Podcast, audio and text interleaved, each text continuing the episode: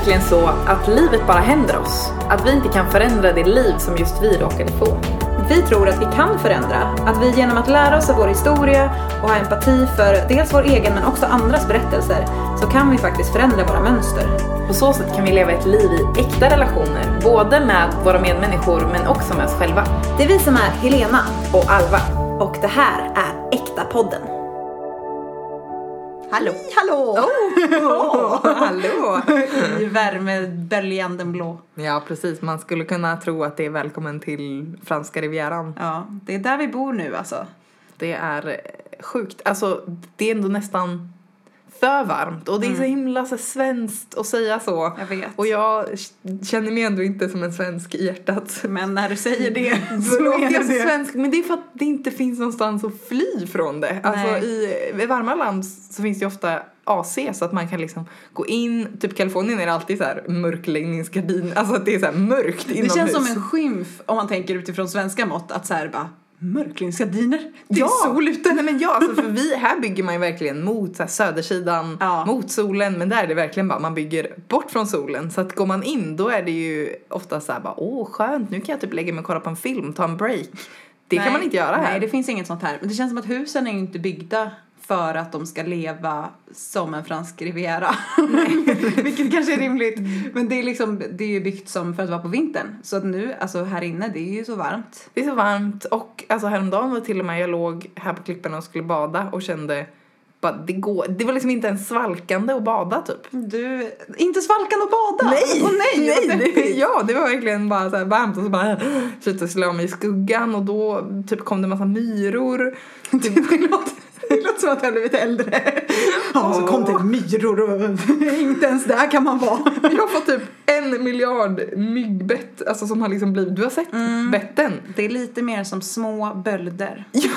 Ja, de, är alltså, de är helt brutala. En bra grej med att ha fått barn är att man får en otrolig, eh, ett otroligt skäl till att alltid vara i skuggan. Man kan bara liksom claima skuggan och säga att det är för hans skull. Det är för mitt barn. Det är det också för min skull. Här är för en själv. Ja, exakt. Vi eh, sågs ju igår eh, på första gången, på första gången, för första gången på eh, ganska länge ändå, efter ett litet break. Alltså det är ju ändå bara två veckor. Men för Ja. oss är det så här bara, nu ses inte vi på jättelänge. Verkligen liksom. Bara, ah, ja. Två veckor. Två veckor. Men det kanske känns längre också för att man är på olika ställen. Men tycker det tror jag verkligen. Hade det varit att man var hemma och bara hade busy liv så hade det nog varit en annan grej. Ja, exakt. Mm. Men eh, vi, vi bor ju också väldigt nära varandra. Så att vi, det är ju lätt också att bara så spontant ses. Och då är det helt Mm. plötsligt fall, ja. att man måste så här bara, ska vi höras på telefon imorgon? Exakt. Klockan tre. klockan tre. Och nu har vi liksom, när vi skulle planera för den här podden så behövde vi liksom, vi behövde dela upp det i två. För att vi hade så mycket annat kul att prata om. Och vi Vi blev liksom avbrutna hela tiden.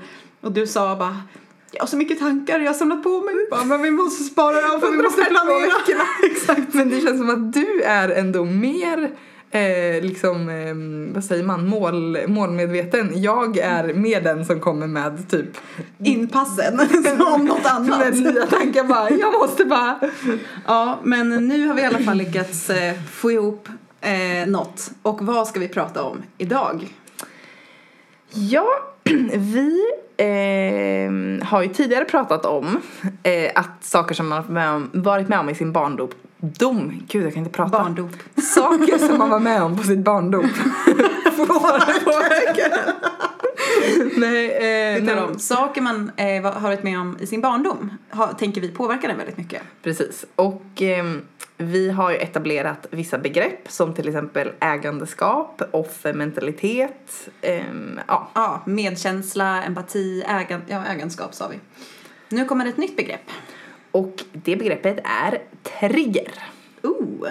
Och det här trigger, eller triggers, eller att vara triggad, det känner vi verkligen är ett nyckelbegrepp. Vi har liksom längtat efter det här avsnittet för att det känns som att när vi har planerat tidigare så har det varit så här bara Åh, vi skulle verkligen behöva prata om triggers typ för att det går in i allting. Det är verkligen så. Ni kommer märka det att det här det, ja, det liksom eh, flätas samman med de här andra begreppen vi har pratat om. Eh, så att, eh, ja men vi ser fram emot att prata om. Ja, så vad är det då? Vad är en trigger?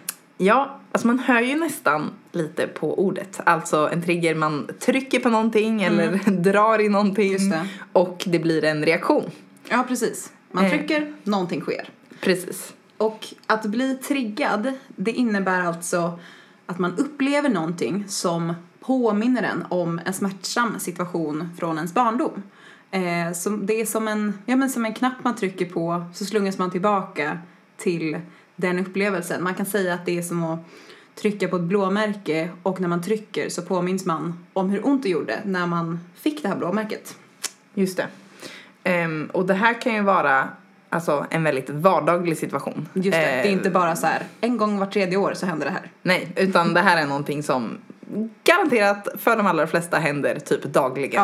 Ja. Eh, och ja, jag vet inte, har du något exempel på? Ja, alltså det, det känns verkligen som att du hör av oss bara, jag är så triggad nu, så triggad nu. Ja, du, du. Ja, men verkligen, vi skulle, igår skulle vi komma på exempel. Ja. Vi pratade lite bara, vad, vad har vi för exempel när vi har blivit triggade? Och jag bara, ja vi har ju det här exemplet från idag. Ja, så eh, igår så, eh, så skulle jag, jag var ute och gick med Levi i vagnen och så behövde jag verkligen få tag på Petter, min man, och han var uppe i lägenheten.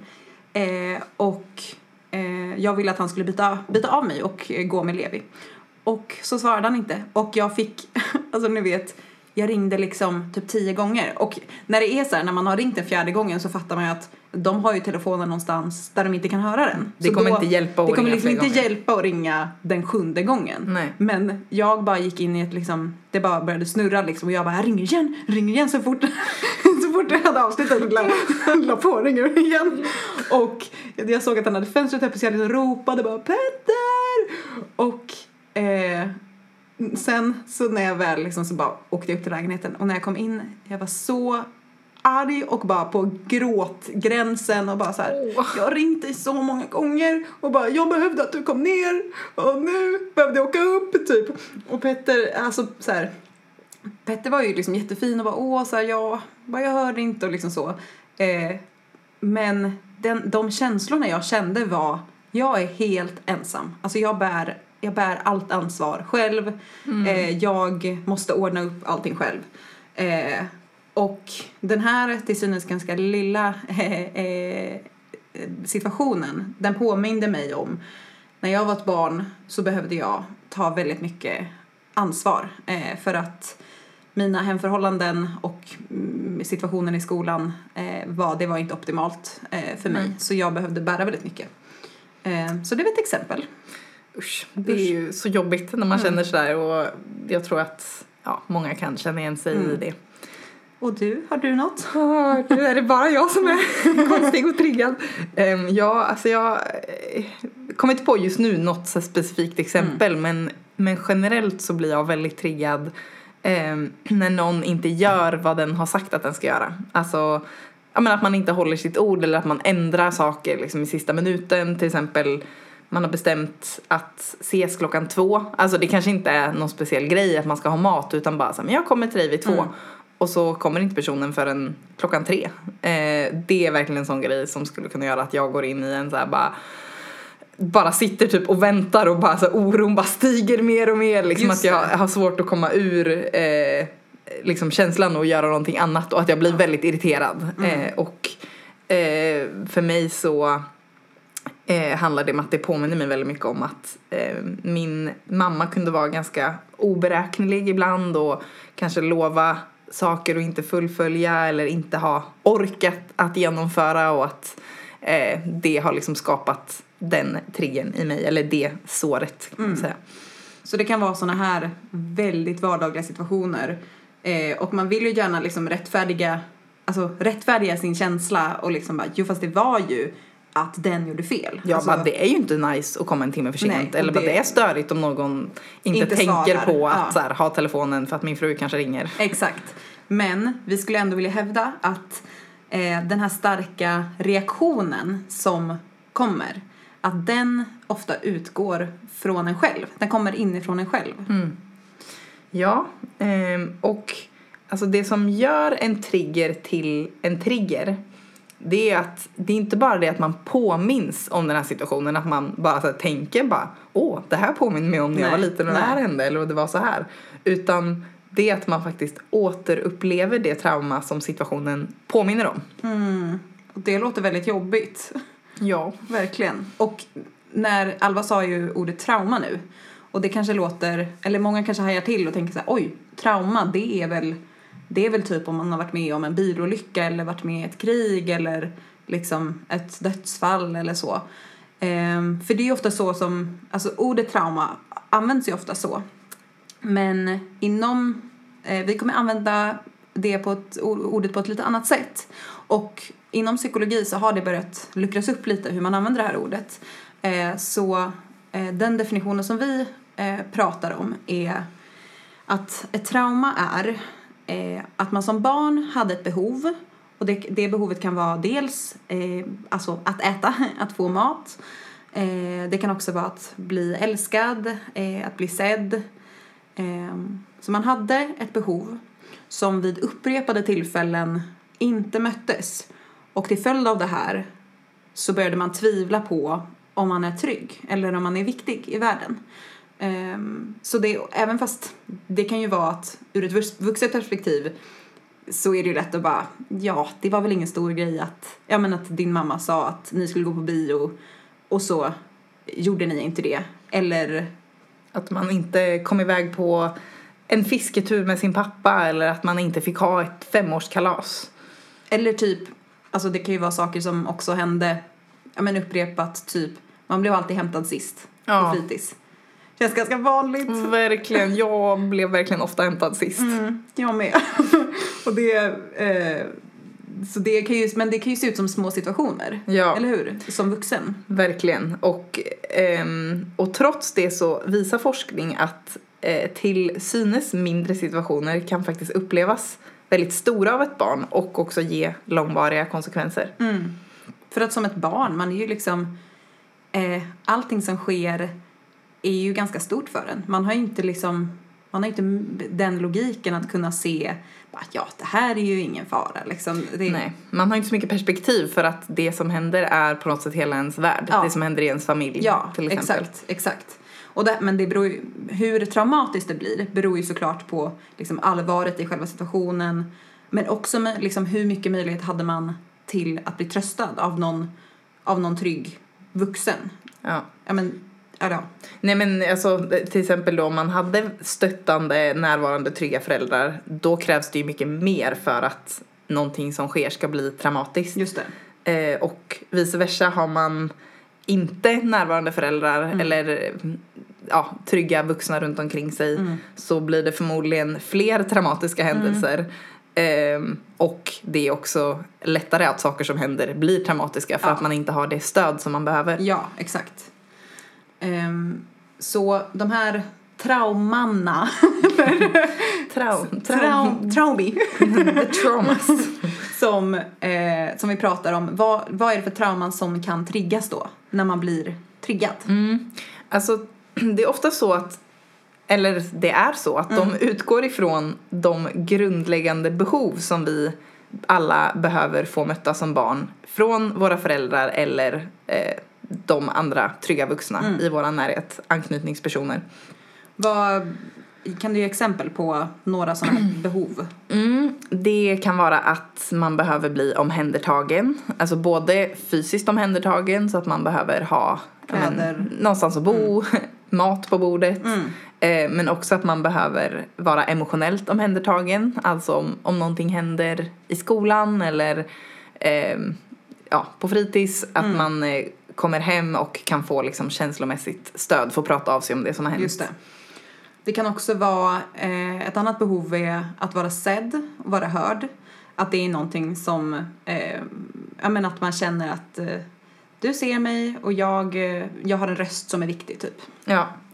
Um, och ett tredje kan vara att man känner sig värdesatt. Mm. Alltså att man vet att eh, men, jag är viktig mm. och eh, jag är värd att lägga tid på mm. eller att lägga energi på eller eh, både med ord och handlingar. Mm. Och att ett annat är att veta att man är nog, eh, alltså som man är och inte utifrån ens prestationer då. Um, och exempel men om man börjar till exempel med eh, behovet att vara omhändertagen eh, så kan exempel på när det blir eh, liksom ett, ett trauma kring det här Mm, eller när det här mm. behovet inte möts mött. är att eh, man eh, som barn kanske hade, eller i sin familj hade en väldigt knapp ekonomi. Eh, Du kanske inte svalt ihjäl eller gick runt hungrig men det kanske ändå var så att du bar med dig en känsla av att eh, vi har inte nog eller en rädsla för att jag kommer inte vara omhändertagen. Det är inte säkert att jag kommer få det jag behöver. Precis, jag vet inte om det kommer gå ihop. Mm. Eh, och jag eh, vet eh, inte om jag kommer liksom på riktigt kunna äta mig helt mätt Mm. eller så. Så kän, precis, känslan man bär med sig är att eh, en ovisshet Mm. om att eh, ha det man behöver liksom. Ehm, ett annat eh, trauma då som kan ske utifrån behovet att bli sedd och hörd är ett exempel är att man är yngst i familjen och eh, så kanske man berättar någonting som man känner eh, eller kanske uttrycker en åsikt och så bara skrattar alla åt den. Alltså man blir förlöjligad. Det känns som en ganska vanlig grej, kanske särskilt om man är, eller ja, om man är yngst just, att så här, man blir verkligen inte tagen på allvar. Man typ gråter och är upprörd och eh, folk, eller resten av familjen skrattar åt en eller tycker att man är gullig. Ja, Ja. exakt. Och det kan ju lämna en med en känsla av att eh, jag blev inte hörd, jag blev inte sedd. Mm.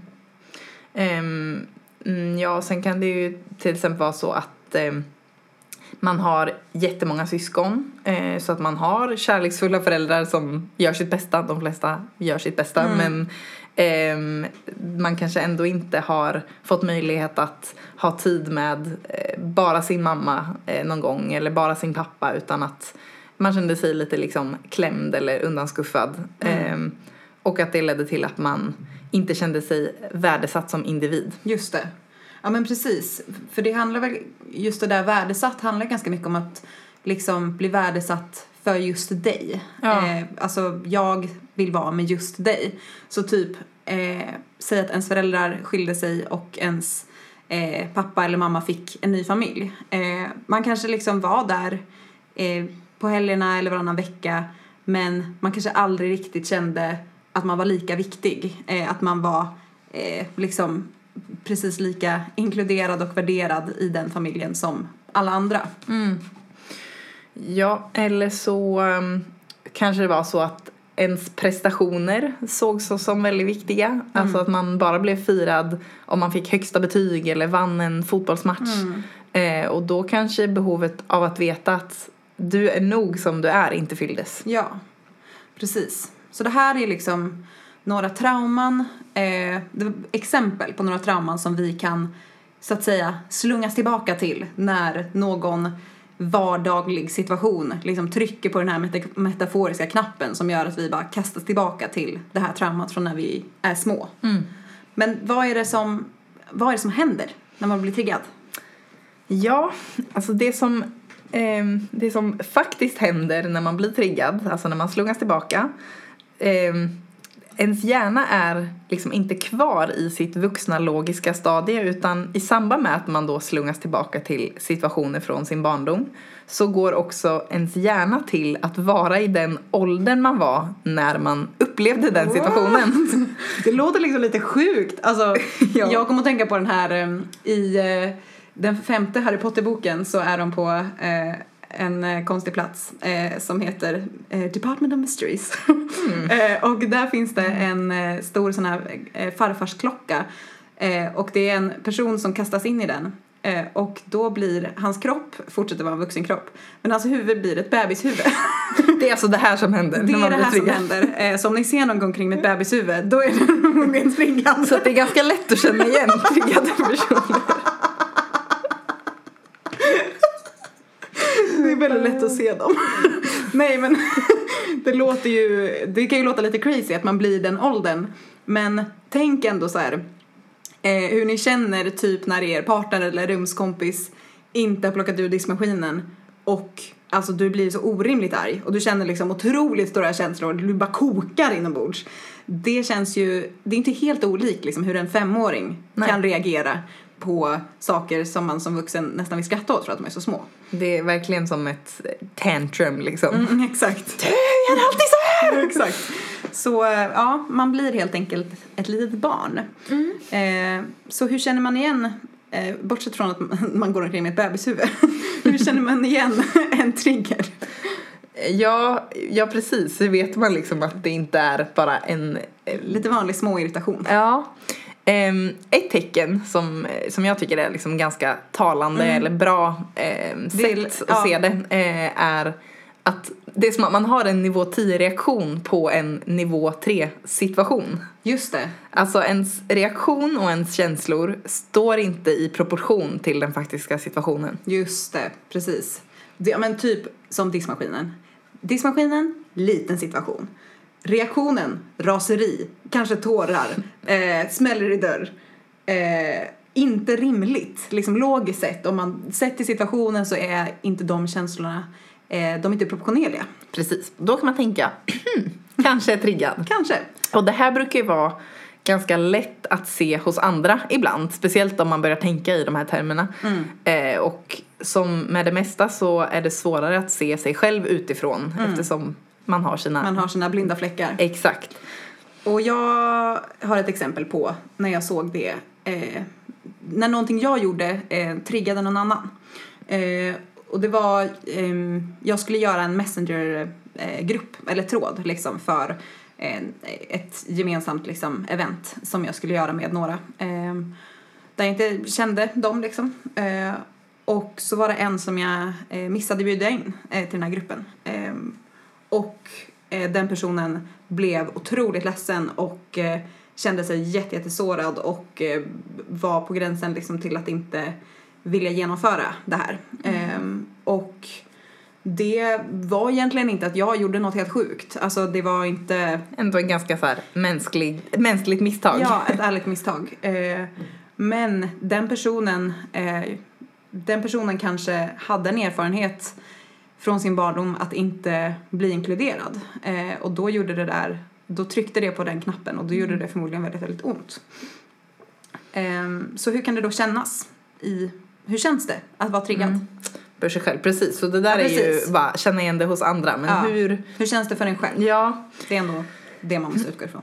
Alltså det är, det är verkligen, men som sagt, ganska starka känslor ofta. Eh, och att det kanske är så att det känns som att det här kommer kännas så här för evigt. Mm. Alltså känslan, Ja men typ när jag stod där och ringde Petter så var det ju så här.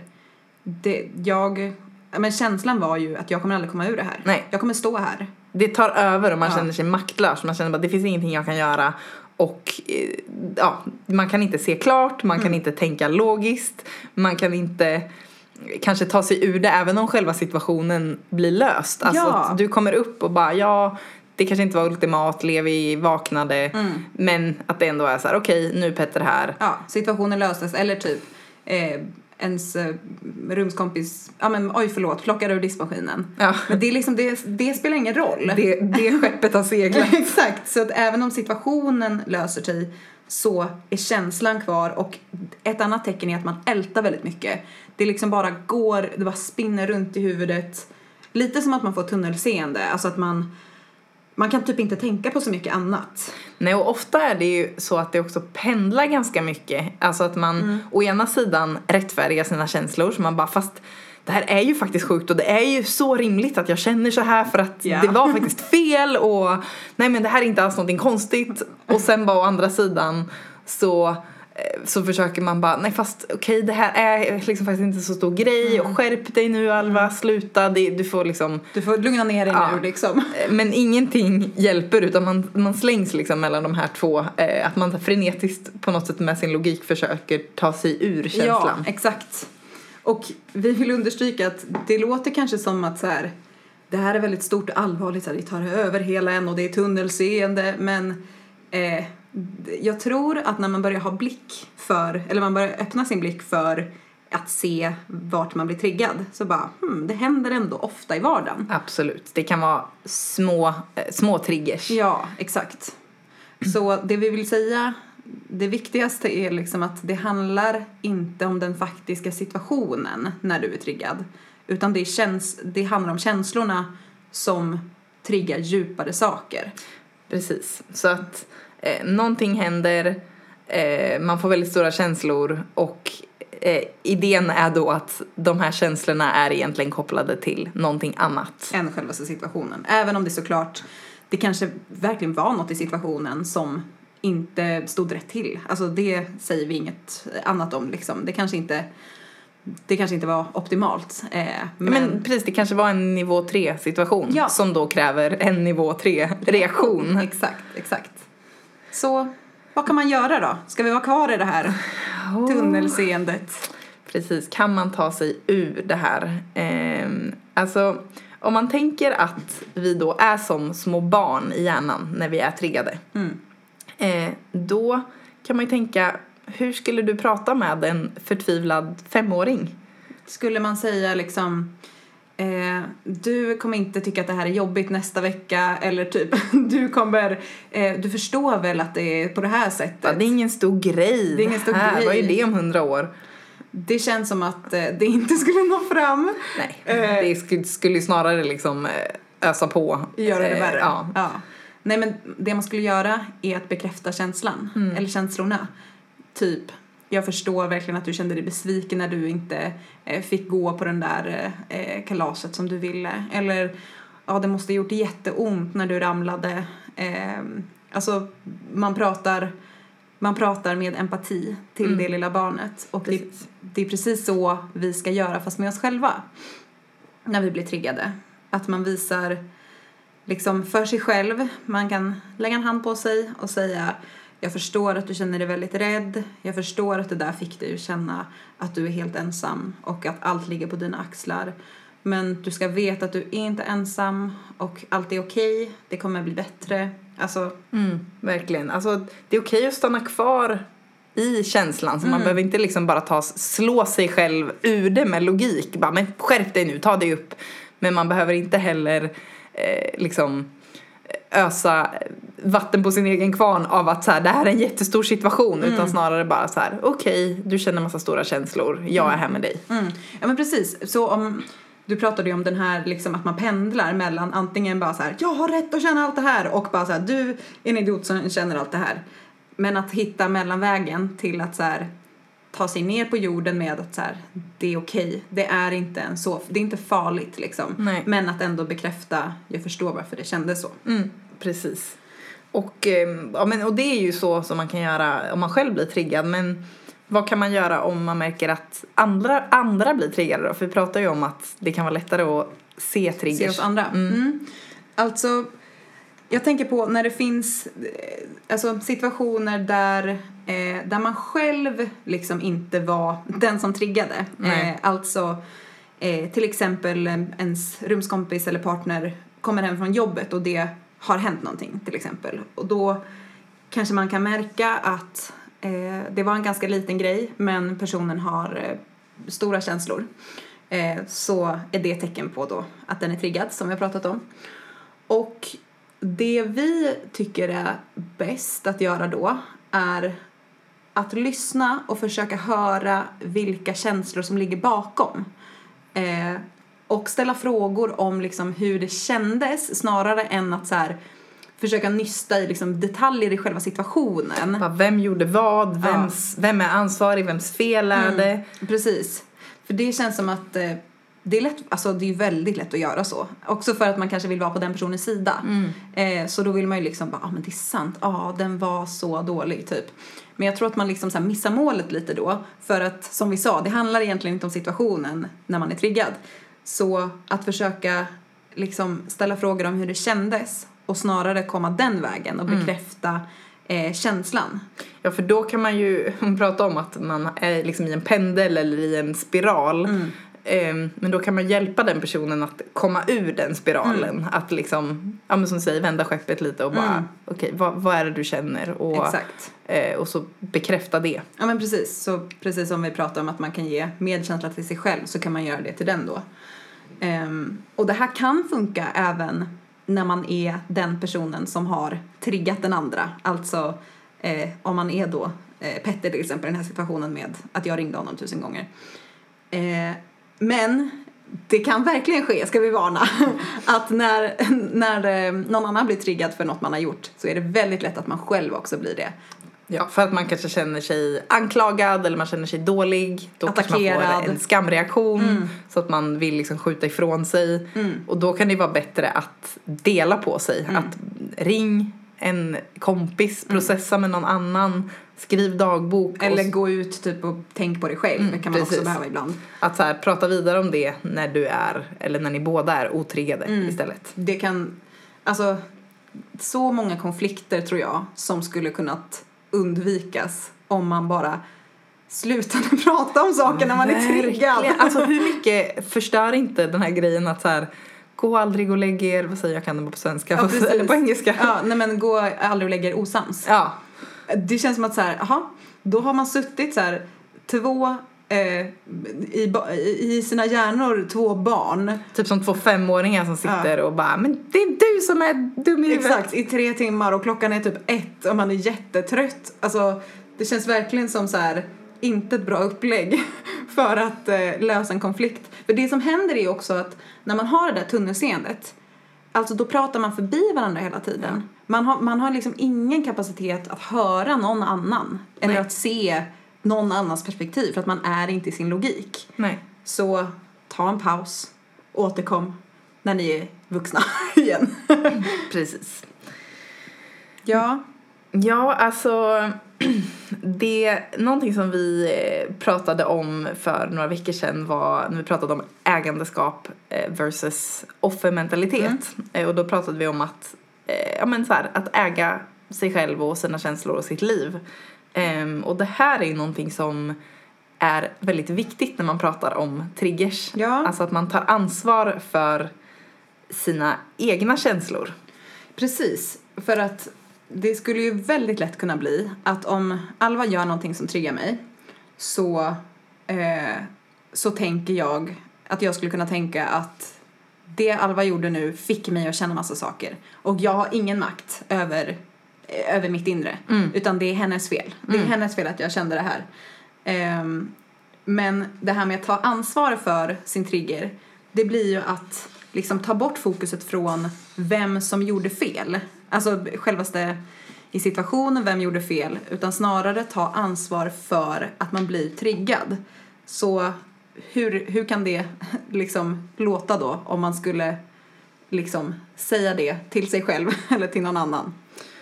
Ja, men då kan man ju säga att ehm, när, eh, ja, men, när du inte svarar i telefonen så tryckte det verkligen på en knapp i mig av att eh, hela världen hänger på mina axlar och att det, det kändes som att jag var ett litet barn eh, som måste ta hand om allting själv. Eh, och jag vet att att det inte liksom, du inte gjorde det för att vara elak eh, eller att det var ditt fel men det väckte verkligen så starka känslor i mig. Precis. Och att känslan som kom upp, den bor i mig. Det var inte du som eh, liksom skapade den i mig, utan känslan bor i mig och den har rot i något annat. Exakt, än den här det situationen. är så viktigt att Alltså för att förstå det här, att förstå att andra människor kan inte skapa nya känslor i en. Nej. Utan de kan bara trycka på knappar och väcka känslor som redan finns. Alltså det här är verkligen game changer, känner jag. För, alltså när, när jag börjar tänka på det här, att det blir, det blir så... Jag tycker att det blir befriande, för att det blir liksom att eh, jag, jag står inte bara som ett offer i världen och bara låter allt bara komma på mig, utan så här, saker som, som eh, sker bor på något sätt i mig och det gör också att jag har makt att göra någonting åt det, känner jag. Absolut, och det hjälper ju också jättemycket just i kommunikation med andra för att om man kan kommunicera på ett sätt där man själv äger sin känsla Men som du gjorde precis innan. Ja men precis, då känner ju inte den andra personen sig anklagad till samma sätt och går till försvar. Nej. Som man, skulle man säga det på ett sätt där det känns som att man lägger känslan på den andra personen. Mm. Till exempel bara, men när du gör alltid så här och det får mig att känna så här. Mm. Ja. Då är risken att det snarare blir som att så här, jaha men nu känns det bara som att jag gör någonting fel. Ja. När det egentligen bara, det var bara en tillfällighet att just den grejen du gjorde ja, triggade mig. Exakt, för jag tänker på eh, ett engelskt uttryck, det finns säkert på svenska, men att man säger don't make me mad. Ja. Alltså, ja. Få mig inte att göra det här typ. Ja. Så bara, det är verkligen som att man då har förlorat, liksom tagit helt, släppt makten och bara, ja se, se till att inte göra mig arg. Men Som verkligen att bara, det- jag är ett offer i andras händer. Ja, blir det som. exakt. Och det, det är både det att det hjälper, det hjälper mig att, eh, att då liksom kommunicera till dig att du behöver inte bära mina känslor. Men det hjälper också mig att när du blir triggad att tänka det där är Alvas känslor, eh, de handlar förmodligen inte om mig. Mm. Eh, så det går ju båda vägarna, att jag får ta ansvar för mina och du får ta ansvar för dina. Verkligen. Och eh, det betyder ju inte att bara för att det är så att var person ska äga sina egna känslor så kan man bara behandla varandra hur som helst för att man ändå inte har något Nej, ansvar. Då liksom, om, ni hör det om ni hör det här på det sättet Det är inte det vi säger. Nej, utan eh, alltså, jag är ju ansvarig inför mina medmänniskor men jag är inte ansvarig för dem. Exakt, jag är ansvarig eh, inför dig på det sättet att hur jag behandlar dig, hur jag, hur jag pratar med dig, eh, vad, ja men helt enkelt mina val gentemot dig. Men jag är inte ansvarig för dig och för dina val och för ditt liv och för vad du känner. Nej, exakt. Vi har ett litet exempel på hur man kan kommunicera eh, liksom, hur man kan äga sin trigger eh, och hur man kan liksom, kommunicera det eh, till någon annan. Ja. Utifrån vår egen, eh, vårt eget liv, Vårt eget liv. vår relation. Alltså vi, vi har ju ändå ganska många sådana här Ja. eh, eh, liksom, samtal eh, och ja, men så här, tycker att det är viktigt att, eh, att prata om saker och bjuda in varandra i eh, våra processer. Och det är ju för att det är inte bara för att vi vill så här nu informerar jag dig om det här. Utan det är ju för att vi vill lära känna varandra mer. Vi vill komma när- närmare varandra. Ja. Vi vill ha en mer äkta relation. Och det är därför vi tycker det är, är viktigt att kommunicera sådana här saker. Ja, eh, och till exempel det här var väl för typ ganska länge sedan, ett halvår sedan kanske så, för jag har en eh, grej, jag och Alva, hej hej, där jag tycker, alltså jag kan bli triggad om det tar väldigt lång tid för folk att svara på ett sms. Eh, alltså om det tar liksom två, tre dagar och, och för att få ett svar på någonting. Och speciellt ska väl tilläggas när det är någon som står nära mig. Eh, för att eh, jag ändå har en det finns en känsla i mig av att bli, eller en rädsla för att bli övergiven. Och den kan ju triggas framförallt av personer som är liksom viktiga för en. Precis. Så det är det som är själva roten. Och, eh, och då hade det väl... Och jag ska säga, hej Helena här. Jag är jättedålig på att svara på sms. Japp. Det ska jag verkligen äga. Eh, jag har blivit mycket bättre. Förut var jag en sån här som hade liksom så sjukt mycket olästa meddelanden. Eh, och eh, nu, jag har, jag jobbar verkligen på det men jag är väldigt dålig på det. Så att det, det låter ju inte som en bra kombination. Oh, no. och jag tror att det här var, det var säkert typ förra sommaren kanske för att det just också ofta är på sommaren när vi är ifrån varandra liksom längre stunder. Och, eh, och jag märkte liksom att det var flera gånger där jag, det kan ju bli liksom då, speciellt om det går några dagar att, ja men att man börjar fantisera om att man nästan kanske är Ja. osams eller om bara varför Man i inte luckorna, svarar. Man fyller i liksom. luckorna själv, Ja. precis. Och det tar ganska mycket energi och att även om jag var väldigt medveten om att här, jag är triggad nu så det betyder ju inte att det inte är jobbigt.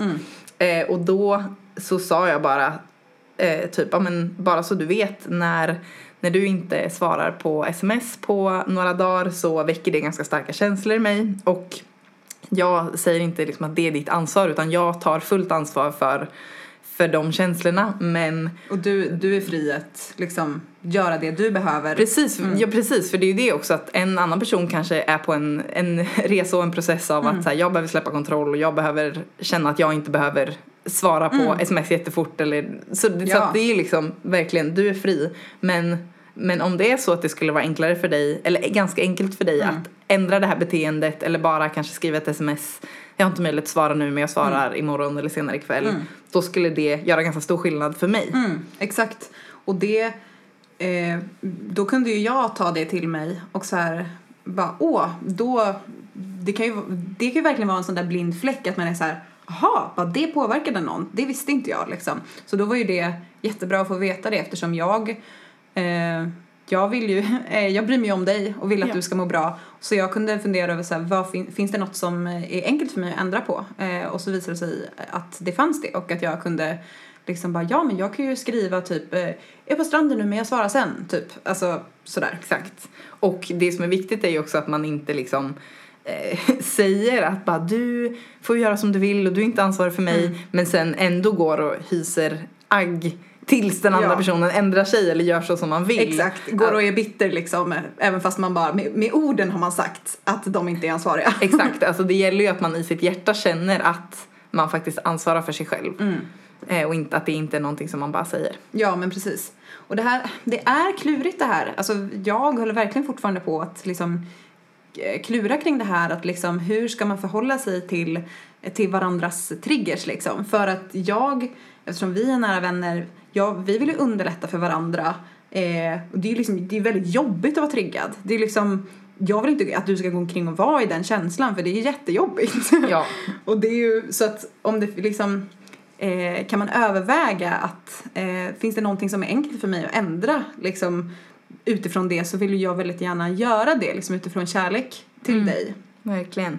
Men, men samtidigt så, det får inte tippa över till att man har som något slags mål att undvika att vara triggad till varje pris. Eller att andra ska vara det liksom. Nej, för att om man mot förmodan lever ett liv helt utan triggers då är man förmodligen väldigt emotionellt avstängd. Ja, för att vi, eh, vi har ju alla de här knapparna i oss och om det är så att man eh, lyckats leva ett liv utan så är det ju inte, utan att bli triggad, det är inte så att de här knapparna eller såren har försvunnit. Nej. Utan det är snarare att man har kapat alla olika vägar som på något sätt skulle kunna vara, Som kan komma åt den. som kan komma åt en, exakt, Man och som kan väl- få en att känna jobbiga känslor. Exakt, man kanske väljer att inte leva i eh, nära relationer Ja, till exempel. Inte precis. vara sårbar. Exakt, eller eh, att man väljer att eh, flytta runt väldigt mycket för då behöver man aldrig, eh, ja precis, då behöver man aldrig skapa nära kontakt typ eller så. Eh, och även fast det är väldigt jobbigt att vara triggad, det är verkligen det, eh, att möta en trigger eh, och att möta den med empati, det blir ju liksom en möjlighet att få ge det här såret liksom omplåstring och eh, att få till slut bli mer hel. För att en trigger är ju en indikator på att det finns ett sår som inte är helt läkt. Som en plats som inte fått den kärlek den behöver. Ett behov som inte blivit fyllt. Så att vara triggad och kunna få möta det själv och med andra, kunna få möta det med kärlek, det kan ju bli väldigt mäktigt också. Exakt. Ja, och ni kanske känner Öh, vad segt att hålla på och tänka så bakåt hela tiden och Ja, varför måste man tänka på sin så barndom? grotta i jobbiga saker, du vill se framåt, eh, liksom det som har varit har varit. Mm. Men det som är den kanske lite tråkiga sanningen, det är att man blir triggad oavsett, alltså oavsett om du är medveten om att du Ja. är det eller inte, så sker de här sakerna. Exakt. Eh. Det är inte som att så här, ja, vissa eh, vill hålla på och grotta i barndomen och vissa vill framåt. Eh, och det går bättre för de som vill framåt. Utan alla vi, vi har de här eh, vi har de här triggers, triggerpunkterna och de kommer beröras oavsett om man vill det eller inte. Ja. Eh, och vi vill också framåt. Ja. Eh, och vi tror ju att, ja, Vi tror ju att vägen framåt är bakåt. Ja men exakt. Ja men faktiskt att om vi kan liksom, precis som jag sa innan, om vi kan möta det här med den empatin vi behöver, då är det ju lättare att gå framåt. Då är det lättare Exakt. att komma framåt. Det är ju bättre att synliggöra, alltså leva i Mm. ljuset liksom, eh, än att eh, Alltså, Förneka sig framåt. Precis, ignorance is bliss Mm, liksom. Att man bara, exakt. men jag är här bara glad, glatt ovetande. Verkligen. Så, vad har vi sagt nu? Vi har bara pratat och pratat. Viktigast. Ja, vi har sagt, när du känner stora känslor, överväg att det kanske inte handlar om diskmaskinen. What? Försök ta reda på vad det egentligen handlar om. Och ge empati till barnet i dig. Och nu när det är semester, soliga tider, ni kanske hänger med familjen, då ypperligt tillfälle att öva. Ni kommer inte ens behöva leta efter tillfällen att öva. Precis, för att det kan vara tufft med sommaren med släkten. Exakt. Och eh, på tal om det, om ni inte har lyssnat på förra veckans avsnitt, för då pratade vi om just eh, hur man kan överleva sommaren. Ja. Eh, så att eh, gå och lyssna på den. Exakt. Ha en strålande dag. Hej då! Hej då!